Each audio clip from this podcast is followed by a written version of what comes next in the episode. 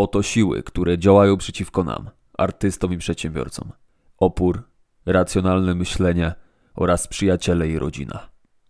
Opór. Czym dokładnie jest ta bestia? Kilka rozdziałów zaczerpniętych z The War of Art szybko pomoże nam go poznać.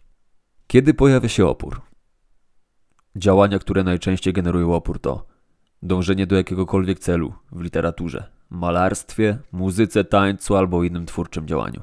Rozpoczynanie jakiegoś przedsięwzięcia, czy inicjatywa nastawiona na zysk lub inny cel. Dieta albo wprowadzenie zdrowego trybu życia. Jakikolwiek program duchowego rozwoju. Każda działalność, której celem jest podniesienie sprawności fizycznej. Każdy kurs albo program zmierzający do zmiany niezdrowych przyzwyczajeń czy pozbycia się nałogu. Wszystkie działania mające na celu pogłębienie wiedzy. Każdy czyn politycznej, moralnej albo etycznej odwagi, włączając to decyzję o zmianie na lepsze jakiegoś złego sposobu myślenia czy zachowania. Jakiekolwiek przedsięwzięcie czy inicjatywa, którego celem jest niesienie pomocy innym. Każdy czyn, w który angażujemy swoje emocje. Decyzja o zawarciu związku małżeńskiego, posiadaniu dzieci, stawieniu czoła problemom małżeńskim. Oraz przyjęcie twardego stanowiska w obliczu niepowodzeń. Innymi słowy, wszelkie działania, które nie wiążą się z natychmiastową nagrodą, a zakładają rozwój, poprawę stanu zdrowia albo pracę nad swoim charakterem w dłuższym czasie.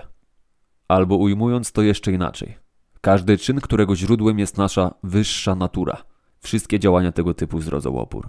A teraz pytanie, jakie są cechy charakterystyczne oporu? Opór jest niewidzialny. Oporu nie można zobaczyć, usłyszeć, dotknąć czy powąchać, ale można go odczuwać. Doświadczamy go jako pola energii emitowanej przez nasze zamierzone działanie. Opór to siła odpychająca, jest negatywny. Jego celem jest odsunąć nas, oderwać od działania, przeszkodzić nam w wykonywaniu naszej pracy. Opór jest podstępny. Powie ci wszystko, by powstrzymać cię od wykonywania twojej pracy.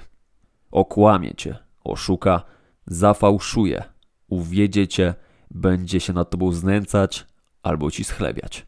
Potrafi przywdziewać różne maski. Przyjmie dowolną formę, jeżeli ona pozwoli cię oszukać. Opór będzie negocjował z tobą jak prawnik, albo jak bandyta wyceluje broń w twoją twarz. Opór nie ma sumienia. Da ci w zastaw wszystko, by tylko ubić interes, a następnie wystawić cię do wiatru, gdy tylko się odwrócisz. Jeżeli wierzysz w jego słowa, zasługujesz na wszystko, co cię spotyka. Opór zawsze kłamie i nigdy nie ma dobrych intencji. Opór jest bezosobowy. Nie możesz odbierać go osobiście, bo nie jest niczym zewnętrznym. Nie wie, kim jesteś i nie obchodzi go to. Jest siłą natury, działa obiektywnie. Chociaż wydaje się grać przeciwko tobie. W rzeczywistości działa z obojętnością deszczu i rządzą nim te same prawa co gwiazdami. Kiedy zbieramy siły, by go zwalczyć, musimy o tym pamiętać. Opór jest nieomylny, jak igła magnetyczna poruszająca się po powierzchni cieczy. Tak i on na pewno wskaże północ, oznaczając skłonności lub działanie, przed jakimi chce nas powstrzymać. Możesz go użyć jak kompasu. Możesz nawigować, wykorzystując opór i pozwalając mu nas prowadzić do tego wyzwania lub celu, ku któremu powinieneś kierować się przede wszystkim. Oto prosta reguła. Im ważniejsze wyzwanie lub działanie prowadzące do rozwoju naszej duszy, tym większy opór poczujesz zmierzając do celu. Opór jest uniwersalny. Nie masz racji, jeżeli myślisz, że jesteś jedyny, który walczy z oporem.